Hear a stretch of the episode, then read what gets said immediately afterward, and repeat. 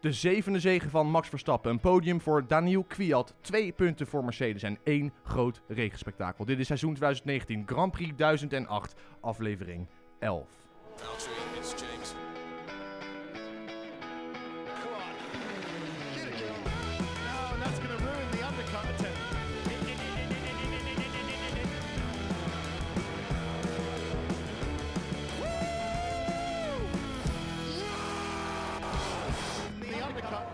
Ja, mannen, welkom bij de Undercut. Aflevering 1000 aan de tafel. De traditionele bezetting. eh, Sebastian, Thierry en eh, David.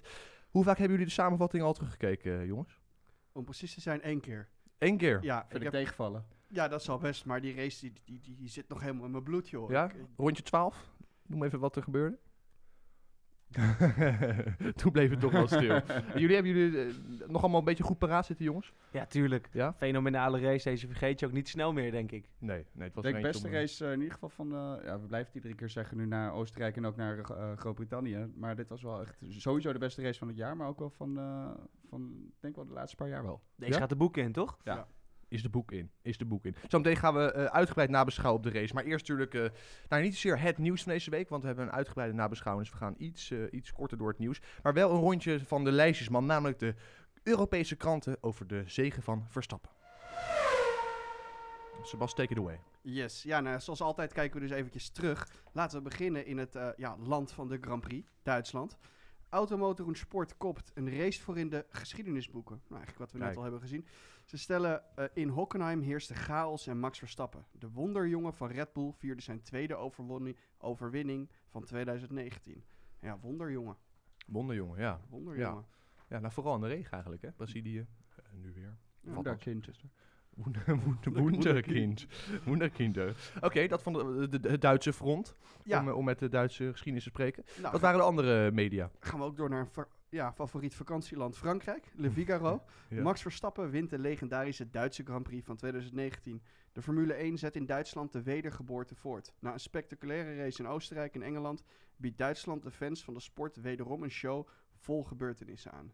Ja, ik- kan ik me eigenlijk best wel in vinden. De Formule 1 lijkt sinds Oostenrijk eigenlijk ja, wel weer een soort, soort reboot te hebben gehad. Ja, de renaissance, zullen we Ja. in Frankrijk zeggen. Ja, Ja, zijn we daarmee eens eigenlijk, op basis van drie races, jongens?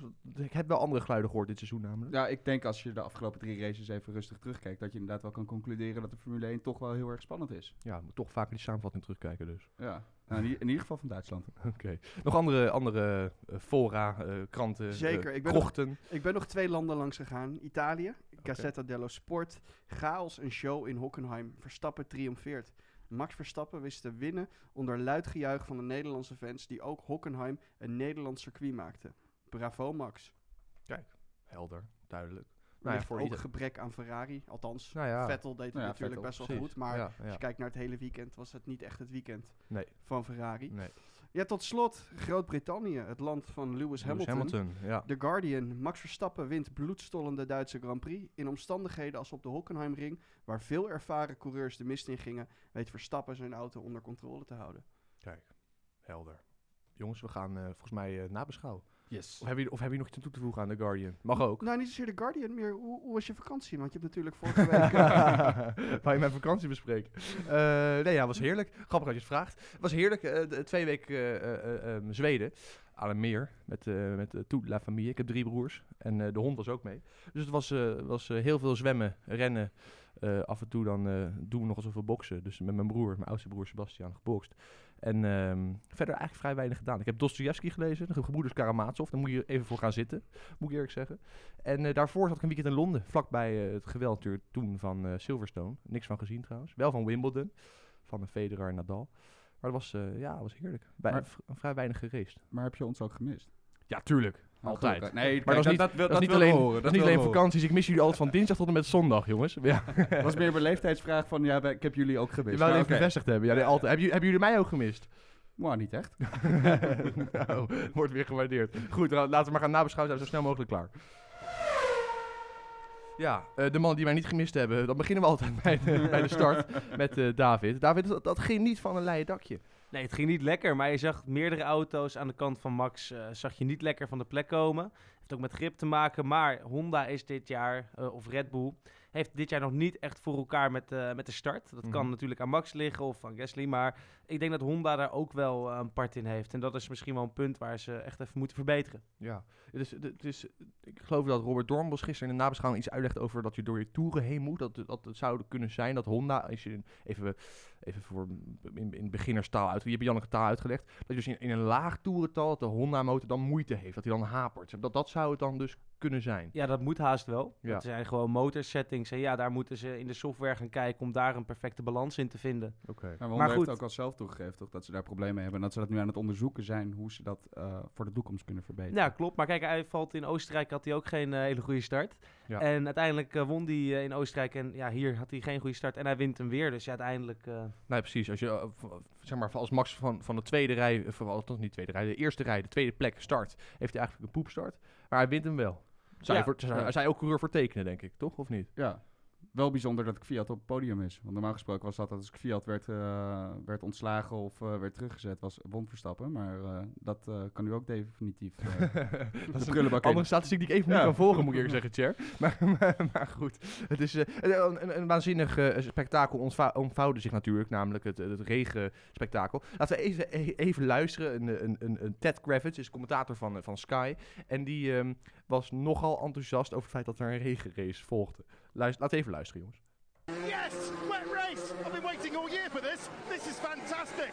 This is fantastic. Dat was de grootste fan van de, van de Formule 1 eh, ja, maar dat is toch geweldig? Ja, het is ja, het is- ik heb bedoel, Olaf dat- nog niet zo gehoord, moet ik eerlijk zeggen. Nou, Ja, ik zat er thuis ook zo bij. Ja, ik- vanaf vrijdag zat ik hier al op te verheugen. Ik, ik zag het al helemaal voor me. Ja, ja. Nou, ja, Olaf Mol opperde wel. Hij was niet zo enthousiast als Ted Kravitz. Maar zullen we nog één keertje doen of zeggen we, het is wel goed? Nou ja, dat je Eén het zo keer. leuk vindt. 3, 2, 1. Ted Kravitz. Yes, wet race. I've been waiting all year for this. This is fantastic. Ja, dit is fantastic. Zo, enthousiast was Olaf Mol niet. Maar wat hij wel opperde was om gewoon voortaan elk circuit, vlak voor de coureurs erop gaan, even nat te sproeien. eh, zodat we elke keer een soort van regenrace hebben. Is dat iets waar, wat überhaupt, even los van of het haalbaar is door de FIA, zijn we daar fan van, Jan, deze Mm. Dat is een beetje het oude idee van Bernie Ecclestone, was dat toch? Is dat zo, ja? Ja. Ja. Is er eerder geopperd door Maar hem? ja, het, het zou natuurlijk kunnen in Frankrijk. Eh, Waarom? Daar Daar? hebben we afgelopen een circuit van seizoen hebben daar, hebben we daar een eh, ja, vrij saaie race gezien. Mhm. En die baan biedt de mogelijkheid. Er staan allemaal van die eh ja, Ja. om een ja, een nat circuit te simuleren. Dus dat zou je kunnen doen. Eh, de vraag is of je dat wil gaan doen. Ik, het zou misschien wel interessant zijn om te kijken naar de huidige kalender. Ja. En dan moet je natuurlijk ook even gaan kijken of het logistiek mogelijk is. Maar om bijvoorbeeld eh, in bepaalde eh, circuits in het regenseizoen te gaan rijden. Waardoor je dat toch iets meer opzoekt. Ja. Je zag dat voorheen eigenlijk vaak wel bij Maleisië. Ja, Dat het daar toch wel redelijk vochtig was. Ehm, en ja, zo'n regenrace biedt wel gewoon enorm veel spanning. Ja. Dat hebben we nu weer gezien. Nou, En precies. Iedere ja. keer. Ja, we gaan, we gaan een aantal aspecten daar, eh daar uitlichten. Eh, überhaupt, om, de- om even te beginnen met de slachtoffers van de regen. Dat waren natuurlijk eerst Sergio Perez, Nico Hulkenberg, redelijk interessante manier van uitvallen. eh, Charles Leclerc, Valtteri Bottas. En nou, Lewis Hamilton staat hierbij als eh, slachtoffer van de regen. Uiteindelijk, hij kon wel zijn race vervolgen natuurlijk. Dus dan Carlos zou je, Sainz ook. precies, en, en, en Verstappen dan trouwens ook. Hij maakt ook een, eh, een, eh, 360. Maar dit zijn de tenminste deels dan uitvallers. Het Ja. zijn niet de minste namen Bottas, die Leclerc, Hulkenberg? Perez. Ja, ja. Maar het zijn niet de minste namen die ertussen staan. Wat, wat vonden we eigenlijk van de crash van Hulkenberg, eh, jongens? Wat, was Ja, dat... het was zonde. Hij lag, eh, lag, daarvoor lag hij nog op weg eh, om eigenlijk zijn eerste podium echt te gaan halen. Nou, dan lag hij op P4, had kostbare punten voor Renault in de pakken. Ricciardo, eh, ja, uiteraard al met problemen.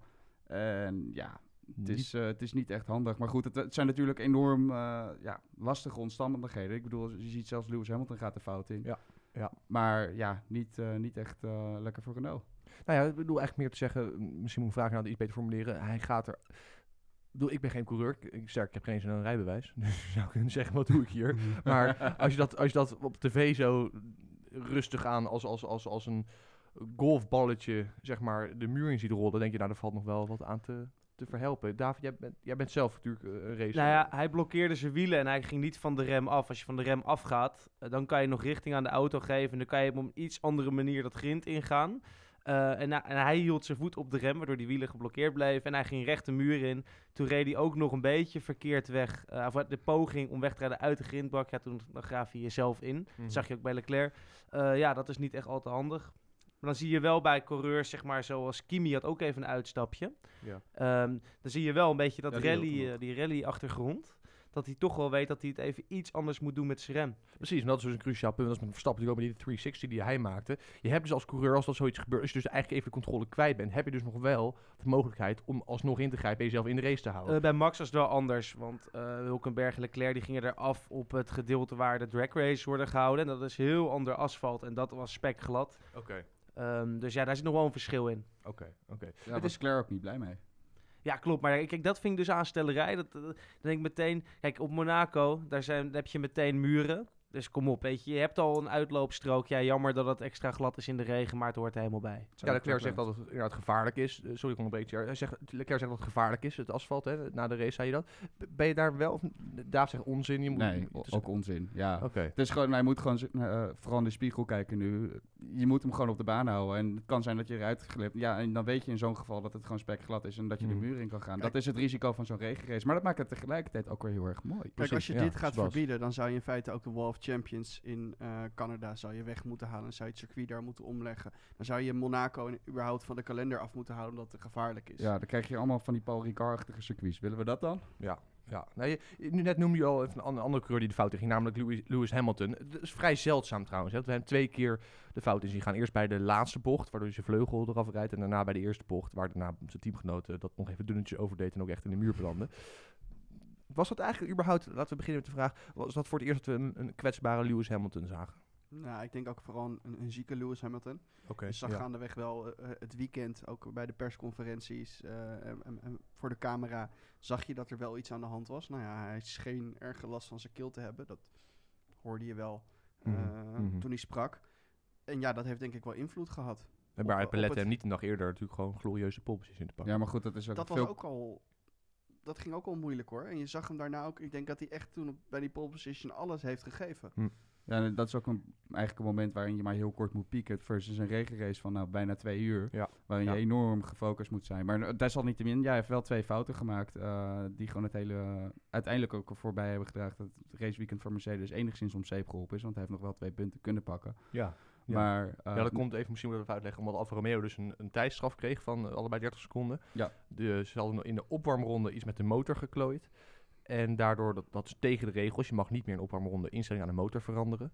Ehm, daardoor hebben zij dus 30 seconden allebei Rijko en Giovinazzi erbij gekregen bij hun tijd. En daarmee wordt dus Hamilton in plaats van uit mijn hoofd 12 wordt hij 9 of 11 wordt hij 9. Ja. En Ja. daardoor heeft hij dus alsnog twee punten. Anders waren het natuurlijk nul punten geweest voor Mercedes. Vrij uniek. Ja. Zeker. Ja. Ja. nog leuker. Kubica's eerste punt. Ja, Williams. Die is Williams. tiende geworden daardoor. Dat is echt eh, bijzonder, ja. Als een, duvel, als een duveltje uit een doosje. Ja. Ja, het is, en, niet, en niet Russell, trouwens. Nee, ja, de Kubica die heeft ook weer voor eh, zijn teamgenoot te pakken. Had hij denk ik op zich ook al nodig. Ehm, zeker aangezien hij al wel grotendeels voorbij wordt gereden door Russell dit seizoen. Maar ja, hij pakt nu wel het eerste punt voor Williams. Ja, ja en Wie Hamilton... had dat gedacht? Ja, precies. Dat is behoorlijk knap. Echt een applausje waard. Maar goed. Het is, het is ehm, jullie, ze- u neemt op voor Hamilton. Hè? Jullie zeggen van nou, hij was natuurlijk ziek en het is eh, bijzonder lastige omstandigheden. Blekenmode spraken we gisteren. We konden hem helaas niet eh, in de uitzending hebben, want het geluid was... Nou ja, hij zat in Frankrijk, eh, in Monaco, op een schip. Op zich eh, toepasselijk voor wat betreft de coureur. Maar hij, dus het geluid kun je Geen niet, laten horen. want is geen slechte omstandigheden. Dat kun, je, dat kun je bijna niet verstaan. Dus dat besparen we de luisteraars. Maar wat hij zei is dat hij eigenlijk een anti-wereldkampioen zag. Hij zei van ja, hij maakt twee fouten en hij rijdt eigenlijk als een soort van natte krant. Ehm, kan niet, zegt Blekenmode. Ja, daar denken jullie anders over. Ik heb David nog niet gehoord in Ja, deze. in deze situatie kun je altijd een foutje maken in de regen. En de laatste keer dat ik Lewis echt een persoonlijke fout heb zien maken was 2016 Brazilië. En dat was een opdrogende baan volgens mij in de kwalificatie. Mhm.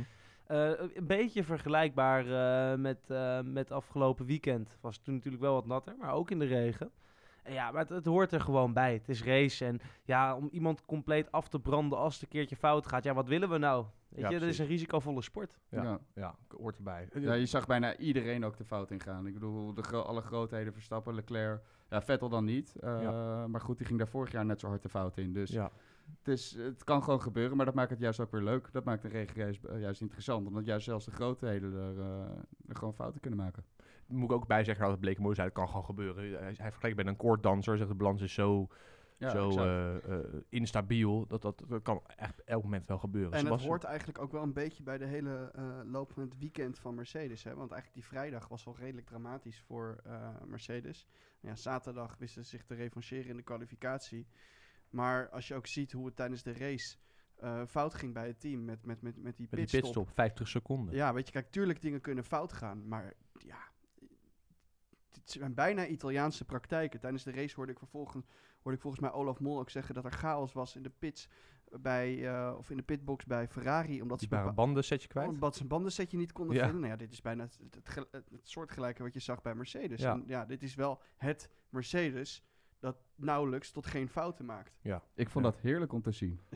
Nou, ja, Nou ja, ja, dat, dat- zeg ik niet omdat ik, dat ik van leedvermaak hou, maar ik vond het juist gewoon leuk dat het gewoon een keer Echt bij een team inderdaad waar het altijd gewoon helemaal geolied loopt, dat het gewoon ook een keer dat je ziet van oké, het is toch ook een soort van menselijk, eh, menselijkheid die je daar terug ziet. En dat Ja. niet echt een soort van ja, Duitse, Duitse machine is die maar, door, eh, die maar Ja. doorramt. Het kan ook gewoon een keer fout gaan. En daar ben ik eigenlijk wel blij om, want dat maakt het seizoen uiteindelijk eh, daardoor eigenlijk ook weer een soort van spannender. Omdat je denkt, nou misschien dat Mercedes dat nog wel vaker een keer overkomt. Ja, ja, de machine van Mercedes haperde gisteren wel eventjes, mogen we wel vaststellen. Ja. Het is overigens een, een, een- moment dat daar echt vlak aan vooraf ging, was natuurlijk dat Hamilton de muur in ging en vervolgens de pitstraat in dook. Hij was ook wel last minute. Ja, dat zeker. Ehm, moet ik eerlijk zeggen, jongens, als ik daarnaar kijk, denk ik van ja, hij spint, hij rijdt zijn vleugel eraf. Hij kan moeilijk achteruit terug de baan op en dan de pitstraat in, eh, in- inrijden, want dan rijdt hij tegen het verkeer in. Dus hij, hij snijdt die- die bocht af en hij, hij gaat dan de pitstraat in, niet zeg maar volgens de regels, niet volgens de linker of de rechterkant van het paaltje, maar de linkerkant. Daar krijgt hij volgens vijf seconden straf voor. Dat, dat, is, dat, is dat belachelijk of is dat... Nee, dat is terecht. Nee, Hij had gewoon eigenlijk een rondje moeten rijden. En dit is precies wat er vorig jaar ook gebeurde. Toen was Mhm. het, nou, dat hoor je natuurlijk ook bij de introductie eh, van deze podcast, dat in, in, in, in, in, in, in. Ja. En nu deed hij het uit zichzelf zonder het eh, commando te krijgen van zijn team.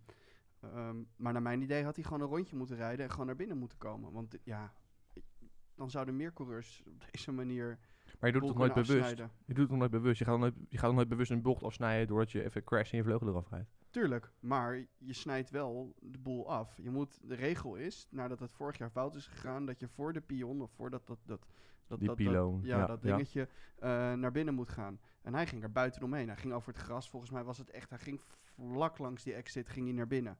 Dus Daarnaast ook- is het ook wel een lijn met wat er met Vettel gebeurde in Canada uiteraard. Ja, ja. ja. Dus, maar Dus dus ook als het een gevaar is voor, voor de coureur, bijvoorbeeld als een vleugel eraf is en dan klappen alle onderdelen. Ja, maar goed, Die de baan keer belanden. uitzonderingen van. Het zijn uiteindelijk regels en regels. En laat ik zeggen, dit jaar is het dan niet al te consistent toegepast. Dat gebeurt nu, naar mijn mening, iets meer. Mhm. Eh, behalve dan met die, maar goed, dat is een ander verhaal. Met die eh unsafe release van Charles Leclerc. Dat Maar is laten, we het daar meteen over hebben dan, uh, Tjer, want je stipt hem toch aan inderdaad. Dat moment dat, dat, dat Leclerc in de pitstraat staat en dat hij eh, wordt vrijgegeven en volgens mij is het Romain Grosjean die die aantikte. Of is het Kevin Grosjean of Max Magnus? Nou, nee, ik- ja, en Haas twee Grosjean hazen in elk geval, ja. Daar, daar kreeg uit mijn hoofd Red Bull Racing, geloof ik, vijf seconden voor. Ja. Een paar races terug. Nou, laat ik het zo zeggen. ehm, wat ik vind is, ik vind het goed dat je het team ervoor straft. Mhm. Het enige wat ik dan raar vind is dat ze daar nu pas mee beginnen. En dat ze een hele lullige boete van 5000 eh, euro geven. Ik bedoel, Ferrari die zal daar echt niet wakker van liggen. Ja. Maar het is gewoon raar dat je in eerste instantie, eh, wat, VIA ook, wat de VIA zelf ook heeft gezegd, is dat ze geen een hele uitleg ervoor geven waarom deze situatie zogenaamd anders is. En ik denk, nee, dat is onzin. Want deze situatie was in praktijk veel gevaarlijker dan wat er gebeurde, bij, eh, wat er gebeurde in Monaco met Verstappen. Ja. En de uitleg was van, ja, Leclerc kwam onder een bepaalde hoek, moest hij naar buiten, omdat hij anders een van die andere monteurs raakte van een ander team. Waardoor het eigenlijk meer een soort van botsing was in de pitstraat, waardoor ze Ferrari een straf hebben gegeven. Ik nee, dat is een hele verkeerde uitleg. Zeg dan, je kan dan beter zeggen oké, we- we gaan vanaf nu gewoon het team straffen. Mhm. Ik zou zeggen, gooi die boete dan ook omhoog naar 50.000 euro. Want dat raakt die teams denk ik wel wat harder voor een Ja. release. Maar het, die hele uitleg die klopt gewoon niet. En in die zin is het dan ook wel weer oneerlijk dat Verstappen daardoor gewoon wel weer een 5 seconden straf heeft gekregen. Waardoor hij een podium in Monaco heeft gemist. En dat Leclerc daardoor eh, ja, eigenlijk vrij makkelijk eh eronder uit kan. Nou, ik heb zeggen- hier de verklaring van de FIA. Ja. En die hebben ook eh, uitleg gegeven nou ja, waarom inderdaad die straf van Verstappen eh, zo in Monaco is geweest. En Mhm. waarom dit zo is gedaan in Duitsland. En die stellen, in Monaco werd Verstappen bestraft vanwege een unsafe release. In Duitsland werd een geldboete uitgedeeld vanwege het veroorzaken van een crash in de pitlane. We hebben dit scenario ook besproken met de teambazen voorafgaand aan de race. We wisten immers dat regen kon zorgen voor een iets wat chaotische pitlane. De boete van 5000 euro lijkt mij redelijk in lijn met de eerdere straffen.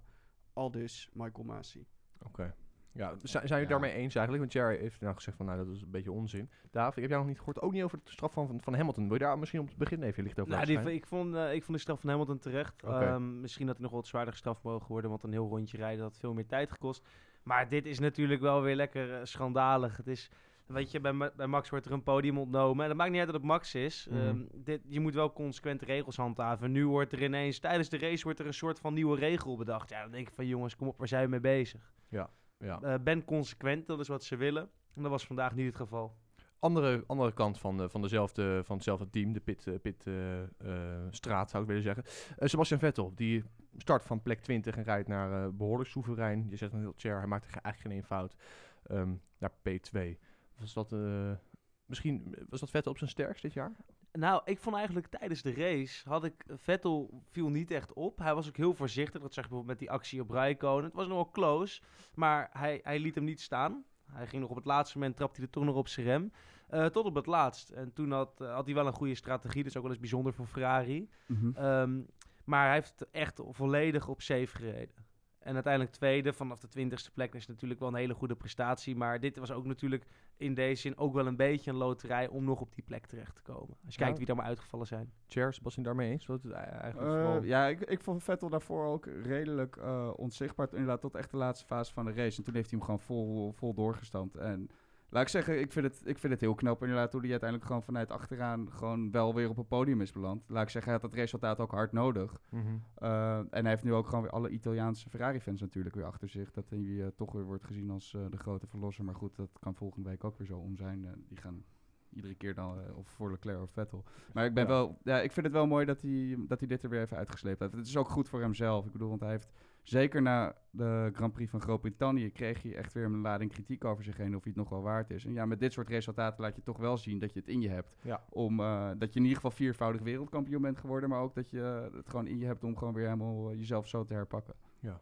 Sebas, waar nog eens aan toevoegen? Of zeg je, het is wel gezegd wat mij betreft? Ja, het is een beetje dubbel. Kijk, anderzijds heeft hij natuurlijk geluk gehad eh, dat er best wel wat eh, hele goede coureurs ook zijn uitgevallen. Mhm. Die hij dus niet hoefde, te eh, hoefde het in, In te halen. Ja. Wat natuurlijk veel tijd kost tijdens een race. Anderzijds, ja, waarbij de rest hem in de muur vouwde, wist hij hem op de baan te houden. Dus daar valt ook wel wat voor te zeggen. Hij heeft denk ik inderdaad heel veel geluk gehad met ook met de van de strategie van Ferrari. Hij was gewoon, eh, ja, eigenlijk op het juiste moment op de juiste plaats.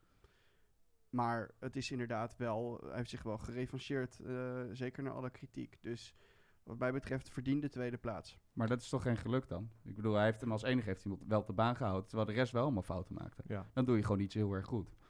Dan blijf je uit de penaren, Ja. uit de problemen. Nou, op zich heeft Thierry daar echt wel zeker een punt. Alleen aan de andere kant, wat Sebas zegt, ik ben het wel met beide van jullie eens. Eh, zijn concurrentie viel uit. Maar kijk, zoals Max, Max houdt hem ook op de baan. eh Kvyat houdt hem ook op de baan. Die jongens, Saints ook. eh, Saints ook. En uiteindelijk, ja, het Saints niet. Die was er nog één Nee, die was eraf, maar die, die hield hem uit de muur dan. Ja, precies. Maar kijk, als je blijft rijden in deze omstandigheden, dan zie je dus gewoon dat er resultaat dat voor elk team eigenlijk wel mogelijk is. En dat nee, heeft Vettel ja. goed gedaan. Ja. Ja. Ja. Ik heb het gevoel alsof jullie een coalitie aan het vormen zijn, Chapeau. jongens. Thierry de ene, dus Sebas de andere uiterste. En eh, daar precies mooi tussenin. Ehm, een andere coureur die, die, die van zich deed spreken gisteren, voordat we naar Kvyat en eh, Stroll gaan, is Alexander Albon. Die houdt eh, eerst Hamilton achter zich na een herstart achter safety car. En ehm, nou ja, hij, hij, hij haalt zelfs Gasly in op een gegeven moment. In Toro Rosso, die Red Bull Racing voorbij steekt. Ja. Is wel typerend ook voor Gasly. Ja, nee, Albon is gewoon Ja, is, dat meer typerend voor Gasly of is dat meer typerend voor Albon? Dat is een lastige. Beide, denk ik wel. Kijk, Albon, voordat je hem onderbrak. Ja. Albon is wel eigenlijk eh, is wel echt bezig aan een sterk eh seizoen, seizoen. sterk debuut. En ik denk dat, dat eh, hij zeker als hij zich de komende jaar, en ik denk volgend jaar ook nog wel weet te ontwikkelen bij Toro Rosso, Mhm. dat indien er wat mensen weggaan bij eh, Red Bull, dat hij best wel een goede kracht zou zijn. Maar hij moet nu gewoon rijpen, ervaring opdoen. Maar hij is wel snel. eh, en hij toont ook ballen. En dat is wat je eigenlijk eh, ja, Gasly afgelopen eh, ja, race weer niet hebt zien doen. Is, is wat Nee, jou Gasly betreft was dan- nergens. Gasly was nergens. Nee. Nee, nee, ja, is, is wat je, inderdaad, ik begrijp je het eens bent met Spas. Is wat jullie betreft dan een tijd daar om, om Gasly te vervangen? Door, Niet voor Albon. maar bijvoorbeeld een Kvyat? Mm, Ja, 100% De- vind het ik dat. blijft, ja, Kvyat heeft het op zich wel al bewezen bij, eh, bij zijn eerste jaar bij Red Bull, dat hij Ricciardo ook al, en vooral toen in 2015, dat hij Ricciardo ook wist te verslaan. Alleen, de vraag is, wil je, wil je dat nu? Ik bedoel, want het risico is, ik bedoel, we zien iedereen, Verstappen, die vreet iedereen op. Die vreet Ricciardo op, dus nu zijn teamgenoot, die, die kan het zelfs, zeg maar, Ferrari lastig maken in een wagen die zeker de eerste tien races niet sneller was dan Ferrari. Ik denk Mhm. dat ze nu wel in de buurt komen. Maar alsnog staat hij derde in het kampioenschap. Ruim, eh, ik geloof nu 20 punten voor op Vettel en Mhm. eh, nog meer op Leclerc zelfs. En slechts 20 punten achter Google, of eh, Bottas. Ja. Of 22 punten. Dus Ja. dat zegt ook wel een hoop. En dat Gasly nu niet goed presteert. Ik bedoel, die krijgt natuurlijk ook de ene klap eh na de andere om zijn oren. En de vraag is, gaat iemand anders dat heel veel beter Nou ja, doen? kijk, het, het punt is, eh, je kan het wel doen. Want je, je moet eigenlijk nu gewoon gaan kijken naar het afgelopen half jaar. Hoeveel punten heeft Red Bull? En dat heb ik volgens mij in die vorige podcast ook al gezegd. Je haalt even je grammetje. Ja, nee, maar kijk, op een gegeven moment moet je wel gaan kijken gewoon onder de streep hoeveel punten er worden gescoord door Gasly. En je kan best iemand als, als, als Kvyat naar voren schuiven. Ehm, ik denk persoonlijk dat je daar trouwens wel even moet wachten tot zomerstop. Laten we even kijken hoe het nu doet in Hongarije. En kijken of hij dan ook nog consistent is en schuif hem dan naar voren. Maar je hebt als Red Bull wel iemand nodig die gewoon wel constant in die top... Is. Ja, consistent is in die top 6, weet Ja. je. En hij hoeft niet, het hoeft niet nog zo'n topper te zijn Mhm. als Verstappen. Kijk naar eh, Hamilton en Bottas. Bottas gaat ook niet altijd voor de kill, maar die rijdt wel altijd gewoon in de punten. Nou, Nou ja, daar gaan we het straks over hebben. Even met deze Ja. race eh, daar gelaten. Maar Ja. kijk even naar nou ja, eerder dit jaar, eh, vorig jaar. Weet je, je, je bent wel zeker van een x aantal punten. En Ja. dat ben je met Gasly gewoon niet. Daarnaast kost hij geld. Hij schrijft, heeft het afgelopen weekend weer een chassis afgeschreven. ja, weer een crash op zaterdag. Of was Ja. het, eh, ja, za- was het vrijdag? Sorry. Hij botst tegen, tegen, tegen een, een coureur van het junior team van Red Bull aan. Ja. Weet je, het is Die gewoon allemaal heel onhandig.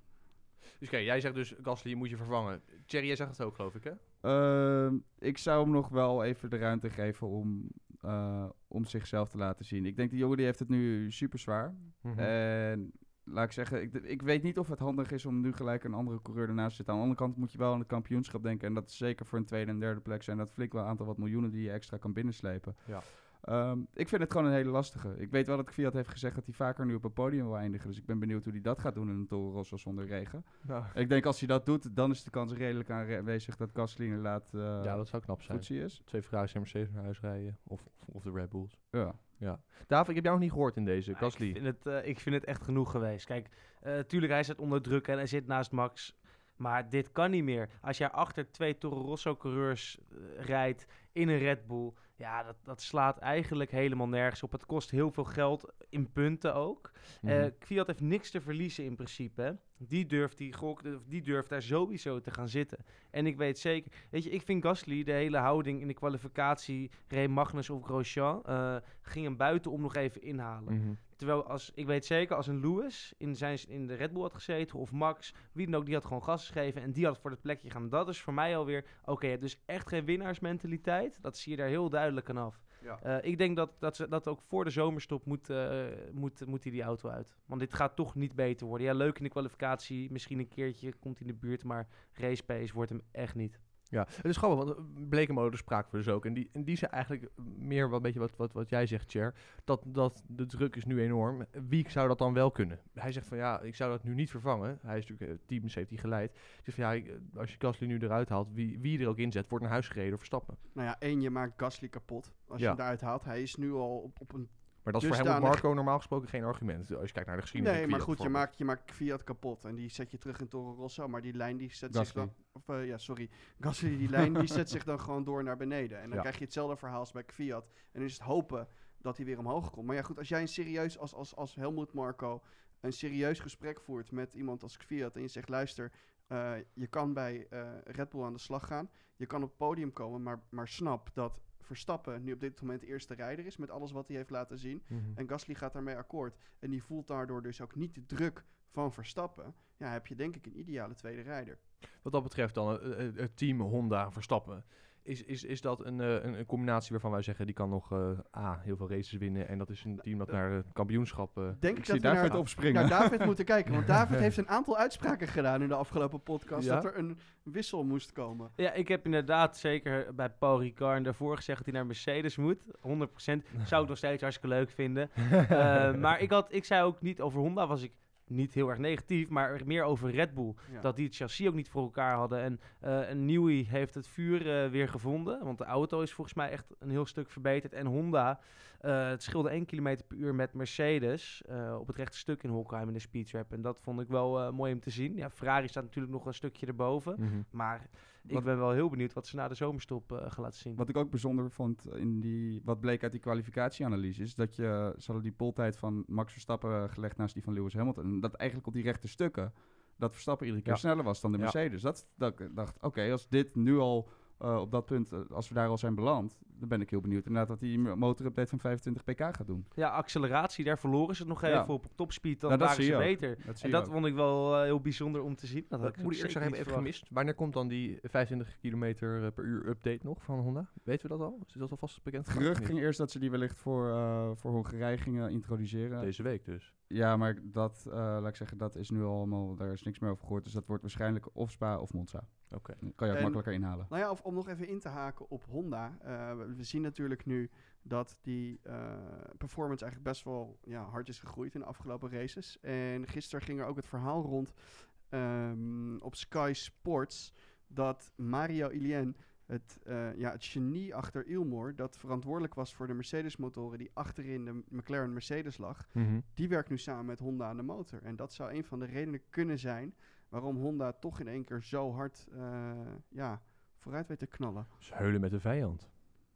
Nou ja, ex-vijand. Ex-vijand. Ja. Ja. Ze hebben, ja, dus, nou ja, of de rivaal ingekocht, zou je het ook zeggen. Ze kunnen ook zeggen. Jongens, als we het geheel, bedoel, we zouden nog 3,5 uur kunnen praten hierover, maar eh, als we het geheel overzien, wat, wat zijn wat jullie betreft dan de conclusies na deze, na deze Grand Prix van Duitsland? Meer regen. ja, maar alleen Paul Ricard hoorde ik jou net zeggen. Of het regenseizoen opzoeken. Nou ja, kijk, ik, ik, dus je kan een aantal conclusies eh, kun je trekken. Eén, ehm, dat Honda, Red Bull eh, echt wel de Prima team. prima team begint te worden. Of Mhm. eigenlijk al is, maar echt steeds beter begint te worden. En ja, als, als Mercedes nog een aantal keer pech krijgt eh, dit seizoen, ehm, ja, dan zie ik eh, Honda best wel dicht in de buurt, of in ieder geval Verstappen nog best wel dicht in de buurt van Hamilton komen. Daarbij een kleine kanttekening natuurlijk wel. Als je gaat kijken naar pure performance, zie je dat Ferrari wel sneller is qua Mhm. motorvermogen. Maar ja, de strategie... moet je ook nog winnen in de race. Nou ja, dat is het. Weet je, de strategie van Ferrari is eigenlijk de afgelopen, eh, nou ja, afgelopen half jaar niet echt fantastisch. Het is een beetje een rempaard, gaat alle kanten op. Ja, Het is, is overigens, je zegt ja, als Mercedes nog een paar keer pech heeft, dat lijkt me niet een heel waarschijnlijk scenario, toch? Dus met de uitzondering van de eh, pitstop van eh, Hamilton. eh, nou ja, ik had bijvoorbeeld ook niet verwacht dat, dat Mercedes het zo zou verknallen tijdens de Duitse Grand Prix die ze zelf sponsoren. ja. Maar daar ging volgens mij alles fout wat er fout. En ze, willen ook en ze willen ook de Duitse Grand Prix niet meer sponsoren. Oh, is het zo? Ja, joh. Oh, hebben ze meteen, eh, zijn ze meteen op teruggekomen. ja, de Duitse Grand Prix die was afhankelijk van het sponsorgeld van Mercedes. En die hebben nu na deze race gezegd van nou, dat, gaan we, dat was iets eenmaligs. Wat Ja. ja, op zich wel te begrijpen is. Lag het aan die oude pakjes of lag het aan het sponsoren van de, van de race? Dat kun je ook nog afvragen. Ja, Toto Wolf zegt van, eh, we hadden dat eigenlijk, die pakjes hadden we niet moeten doen. Wat trouwens wel leuk is, ik, we gaan het weer noemen. Ja. De Netflix documentaire Ja. was het hele weekend, dit weekend bij Mercedes. Oeh. Dus dat wordt een hele sappige aflevering. Dat is pijnlijk, zeg. Ik ben, Ja. eh, ben heel benieuwd hoe dat gaat worden. David, tot slot bij jou. Wat voor jou de conclusie na deze race? Nou, wat Sebas zei, eh, het wereldkampioenschap kan toch nog wel heel erg spannend worden met eh, Verstappen. Ik denk dat hij zeker kans maakt. Jongens, meen je dat nou echt? Hoeveel, het gat is toch wel 100 punten of zo? Nou, ja, nee, dat, dat wordt lastig. 180 Maar tweede kan wel. staat hij plus, geloof ik, ergens of iets. Of 100. En Hamilton staat op 220 uit mijn hoofd zo. Dus Ja. het, het, het moet een paar keer fout gaan. En Red Bull moet een aantal keer eh, geluk hebben. Moet Red Bull wel echt alles winnen Nou ja, ook na de zomerstop. Daarnaast moeten ja. we wel heel even, laten we even teruggaan naar, naar 2018. Laten we even kijken wat er gebeurde na de zomerstop. Toen Mhm. zagen we echt een, een, een Red Bull dat zich gigantisch wist te ontwikkelen. Het, e- eigenlijk de bottleneck vorig jaar was de motor. Mhm. Zeker in de, in de tweede helft van het seizoen. Die motor lijkt nu goed te zijn. Dus ja, Ja, ik ik denk, eh, ik denk dat het kan. vallen. Maar ik, Laat, eh, we- we- weet je, kijk, we moeten, we moeten gewoon hopen dat het echt spannend wordt. En al wordt die tweede, ja leuk, dan is het volgend jaar wordt het nog spannender. Maar ik hoop gewoon op een hele spannende strijd. En niet weer Bottas en Hamilton die standaard 1 en 2 worden. Eh hoop dat Leclerc of Vettel zich er ook nog bij zou kunnen mengen. Dat het, dat als het maar gekkenhuis wordt dit jaar. Dat is Ja. alleen maar goed Ik- voor de sport. Ik heb nog één ding Ja? wat me ook opgevallen is. En dat is dat Lance Stroll best een prima regenrijder is eigenlijk. is dat misschien de conclusie na deze Ja, het, het, het valt wel op. Iedere keer als het nat weer is, zit hij erbij. Ja. Monza in 2017 eh eerste startrij. Nu ook gewoon wel weer bijna een podium. Ja. Het is jammer dan van die Ferrari die hier langs... Ik had eigenlijk oprecht gehoopt dat het podium Verstappen, Kvyat, Stroll zou zijn. Dat was echt een geweldig, Ja, een eh, bizar geweest. resultaat geweest. Ja. En Ja. ergens gun ik het hem ook wel. Nou, misschien Verstappen, eh Kwiat en Stroll in Hongarije, je weet het niet. Of Stroll naar Red Bull. Of St- ja.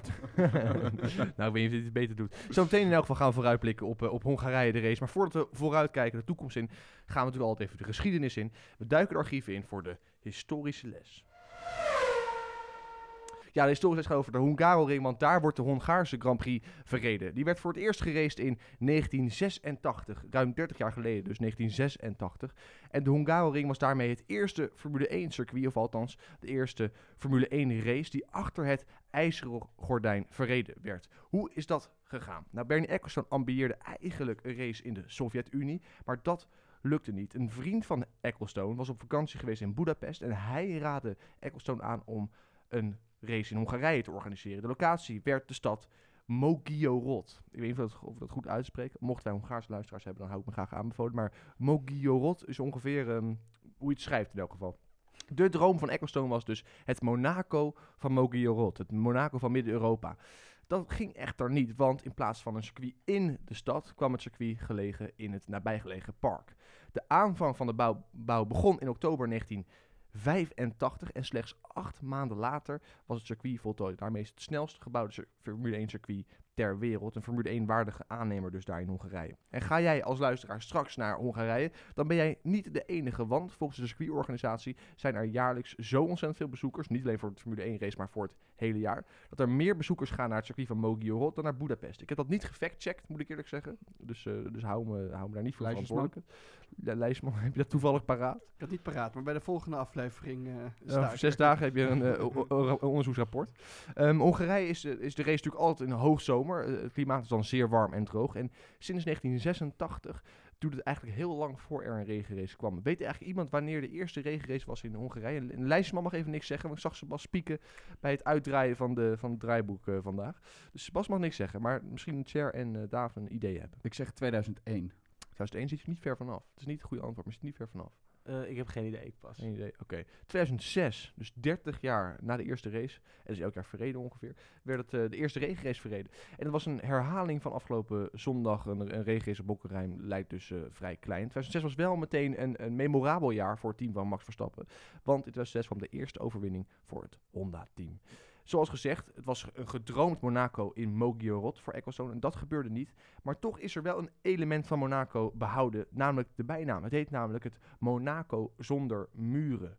Weet, misschien even jullie waarom die bijnaam er is. Vanwege de layout van het circuit. Ja, dat is. Dat, dat rekenen we. dat rekent de jury goed, Thierry. Dat is inderdaad eh, de layout van het circuit en namelijk drieledig. Het is.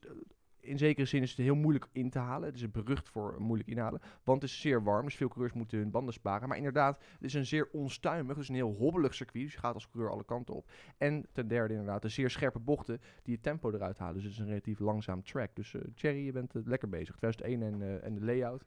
Dus plus twee punten voor jou. Beetje zoveel als Mercedes afgelopen weekend had. Van die bochten, van, die, eh, van dit bochtencircuit dragen twee bochten het naam van de Elistero-coureurs. Eh, bijvoorbeeld de Nigel Mansell-bocht. En waarom? Omdat Mansell daar in 1987 in bocht 4 op volle snelheid een band kwijtraakte. Dat is er weinig om vrolijk van te worden, maar het levert hem wel de eeuwige bocht 4 ehm, van de Hungaroring op. En hij is niet de enige coureur die op het Hongaarse circuit door noodlot vereeuwigd werd. Namelijk Jean Alesi maakte een zware crash in 1995. En daarmee trad hij dus in de voetsporen van Nigel Mansell. Bocht 4 is van Mansell en bocht 11 is van Alesi. Overigens is er ook één Hongaarse coureur geweest in de Formule 1. Ik, ik, ik kijk even naar Thierry voor de bonusvraag, voor de jackpot, de, de, de hat-trick. Ik kijk jij- naar de lijstjesman. Help me. De lijstjesman is het snel aan het opzoeken, maar kan het niet vinden. Dus David. Ik heb ook echt geen idee. Jongens, dat was de legendarische coureur Zolt Baumgartner. Oh ja, die ja. Ja, ja die van de, van de goulash. Ja. Weet je wel? Ja. ja. Ehm, de- goed, dat is het eerste circuit in elk geval dat hij... eh, de- dus de Hongaroring althans is het eerste circuit dat dus achter het ijzeren gordijn verreden werd. De bijnaam is het Monaco van Midden-Europa, of het Monaco zonder muren. Berucht en befaamd vanwege de bochten, de hobbels en de hitte. En toch heeft het, coureur, eh, toch heeft het circuit grote fans. Zoveel dat er dus jaarlijks volgens de circuitorganisatie zelf meer bezoekers naar de eh Mokiorot gaan dan naar de hoofdstad. Ik vind dat wel een bold claim, maar goed. Onder de fans van dit eh, circuit zijn onder meer Senna, Schumacher, Hamilton en Nigel Mansell. Maar de grootste fan is wellicht Fernando Alonso, want hij boekte in Hongarije zijn eerste overwinning ooit in 2003. En hij verklaarde daarna dat Hungaroring zijn favoriete circuit ter wereld was. Ook warme herinnering dus voor Honda en Max Verstappen, want die won daar dus een eerste race in 2006. En over één week, of voor zes dagen om precies te zijn, kunnen wij meemaken of hij, Max Verstappen, na 2006 een nieuw eikpunt in de historie in Hongarije voor Honda kan creëren. En daarmee eh, komen we te spreken over eh, Hongarije, jongens. Liggen daar kansen wat dat betreft? Kan hij, denken jullie, eh, het komend weekend een zegen toevoegen aan de zegenreeks van, van Honda in Hongarije? Als het weer zo warm wordt, Ja. op een baan die Red Bull op zich in theorie zou moeten liggen. Vanwege dus de vele bochten en langzaam eh, Exact, circuit, exact. Ja. Daar? Gezien de historie, Ja, wie weet. daar ik- je knikt wel. Ik denk dat hij hem wint. Aan de andere kant, het enige wat waar we net over hadden, de acceleratie van Mercedes, die is heel erg goed. En dat is op zijn, zo'n Mickey Mouse baantje natuurlijk belangrijk. Eh, dat is het enige waar ik twijfel over heb. Maar ik heb zo'n voorgevoel dat hij hem gaat winnen. Omdat het ook wel echt een circuit is op de Red Bull ligt. Hij gaat winnen zelfs. Ik, heb, ik ben ook natuurlijk toch wel eventjes eh, Kijk, gaan kijken naar vorig jaar. man. Hey, en ik kwam eigenlijk tot wel tot toen ik ging kijken naar vorig jaar. Wellicht zijn jullie het allemaal vergeten. Maar Pierre Gasly wist Vierde? vorig jaar Vierde? Ja, dat was zesde te worden. Zesde, oh. Ja, best aardig. Maar Als toen dat reed nu- hij nog als- in een Toro Rosso. Als hij dat nu weer doet, dan doet hij het beter dan, eh, dan dat hij het afgelopen hele seizoen gedaan heeft. Dus wellicht is dit wel de ultieme herkansing, revanche voor Gasly. Om, om, om in ieder geval, nou ja, op zich in een Red Bull zou een zesde plaats Nou, doable moeten zijn. Ja, ja theoretisch Was Vers- wel. was Verstappen nou niet trouwens vierde te worden in Nee. 2015? Nee, hij viel Dus uit. Vorig jaar eh, viel hij uit. Nee, maar in ehm, 2004, eh, in het Toro Rosso was hij daar toch een keer vierde geworden ook? Poeh, heb ik niet paraat. Kijk even naar de lijstjes, man. De lijstjesman gaat het gelijk even onderzoeken. vorig jaar hadden we wel regen bij de kwalificatie. Ja, klopt. Maar toen ging die Red Bull ook helemaal... Nee, die ging voor geen meter. En toen, eh, toen had Gas, Gasly had hem al op P6 ge- eh, volgens mij gekwalificeerd. Ja, klopt. Wat al heel erg knap was. Ja. Nou, Sebas, heb je het al gevonden? nou, laat, ik even jou de, de glazen bol. 1, 2, 3 dan eventjes. Oeh. Ja, ik had de vorige keer gezegd dat... eh, nou ja, ik had gezegd Vettel die maakt zijn comeback. Mhm. Dat is waar. Wel uitgekomen. Ja. Wel gebeurd. Nou, de- niet gewonnen, maar wel een comeback Ja, gemaakt. ja. Ehm, ik, ga, ja, ik, ik ga het erop gokken. Verstappen gaat hem winnen. Zo. Gewoon, die gaat echt helemaal full swing, helemaal lekker de zomervakantie in. Die pakt eh, gewoon even zijn derde overwinning van dit jaar. Twee, eh, denk ik Hamilton. Drie, Vettel. Mooi, mooi. 9, 9 wereldkampioenschap op podium plus Verstappen dan dus. Daaf, 1, 2, 3. Ik sluit me echt precies bij Thierry aan. Hamilton, of, sorry, eh, Verstappen, Hamilton, Vettel. Ja, ja, zeker. Niemand Gasly? ik zou het hem heel erg gunnen, en maar dan zou ik heel erg verbaasd zijn. Ik Oké. zou het niet kunnen geloven. Maar de wonderen zijn de wereld nog niet uit. Heeft, on- heeft ondertussen onze lijstjesman de, de, de, de facts paraat wat betreft Ja, Verstappen? Thierry had gelijk. Vierde in eh, 2015. Misschien Mijn- moet ik de nieuwe lijstjesman Ik worden. wou net zeggen, Thierry, lekker bezig, hè? Zo. Mijn eh, voorspelling. Ja, Daar zit natuurlijk allemaal op te wachten. ja, puntje Nee. van mijn stoel. ik denk eh, Verstappen 1. Ik- Ook al. Ja. Saai zeg. Ja, heel saai. Nou, of heel leuk. Het is maar net eh, van wie je fan bent. Ja. Ehm, ik denk dat Vettel tweede wordt. En derde, ik denk Hamilton of Bottas, een van de twee. Wat gebeurt eigenlijk met Leclerc, jongens, in jullie scenario's? Die is... eh, Ja, mooi vierde. Ja. Oké. Verstappen Maar- dus driemaal hier eh, de zege voorspeld. Het wordt interessant, eh, jongens. Dit was de elfde aflevering van de andere kant 2019. Dank weer natuurlijk aan jullie, het vaste panel, Thierry, Sebastian en Daaf. Volgende week dus zijn we alweer terug op de Hungaroring, het eerste eh, circuit, dus achter het ijzeren gordijn.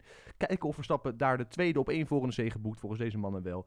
Graag tot in Hongarije, de laatste race voor de zomerstop.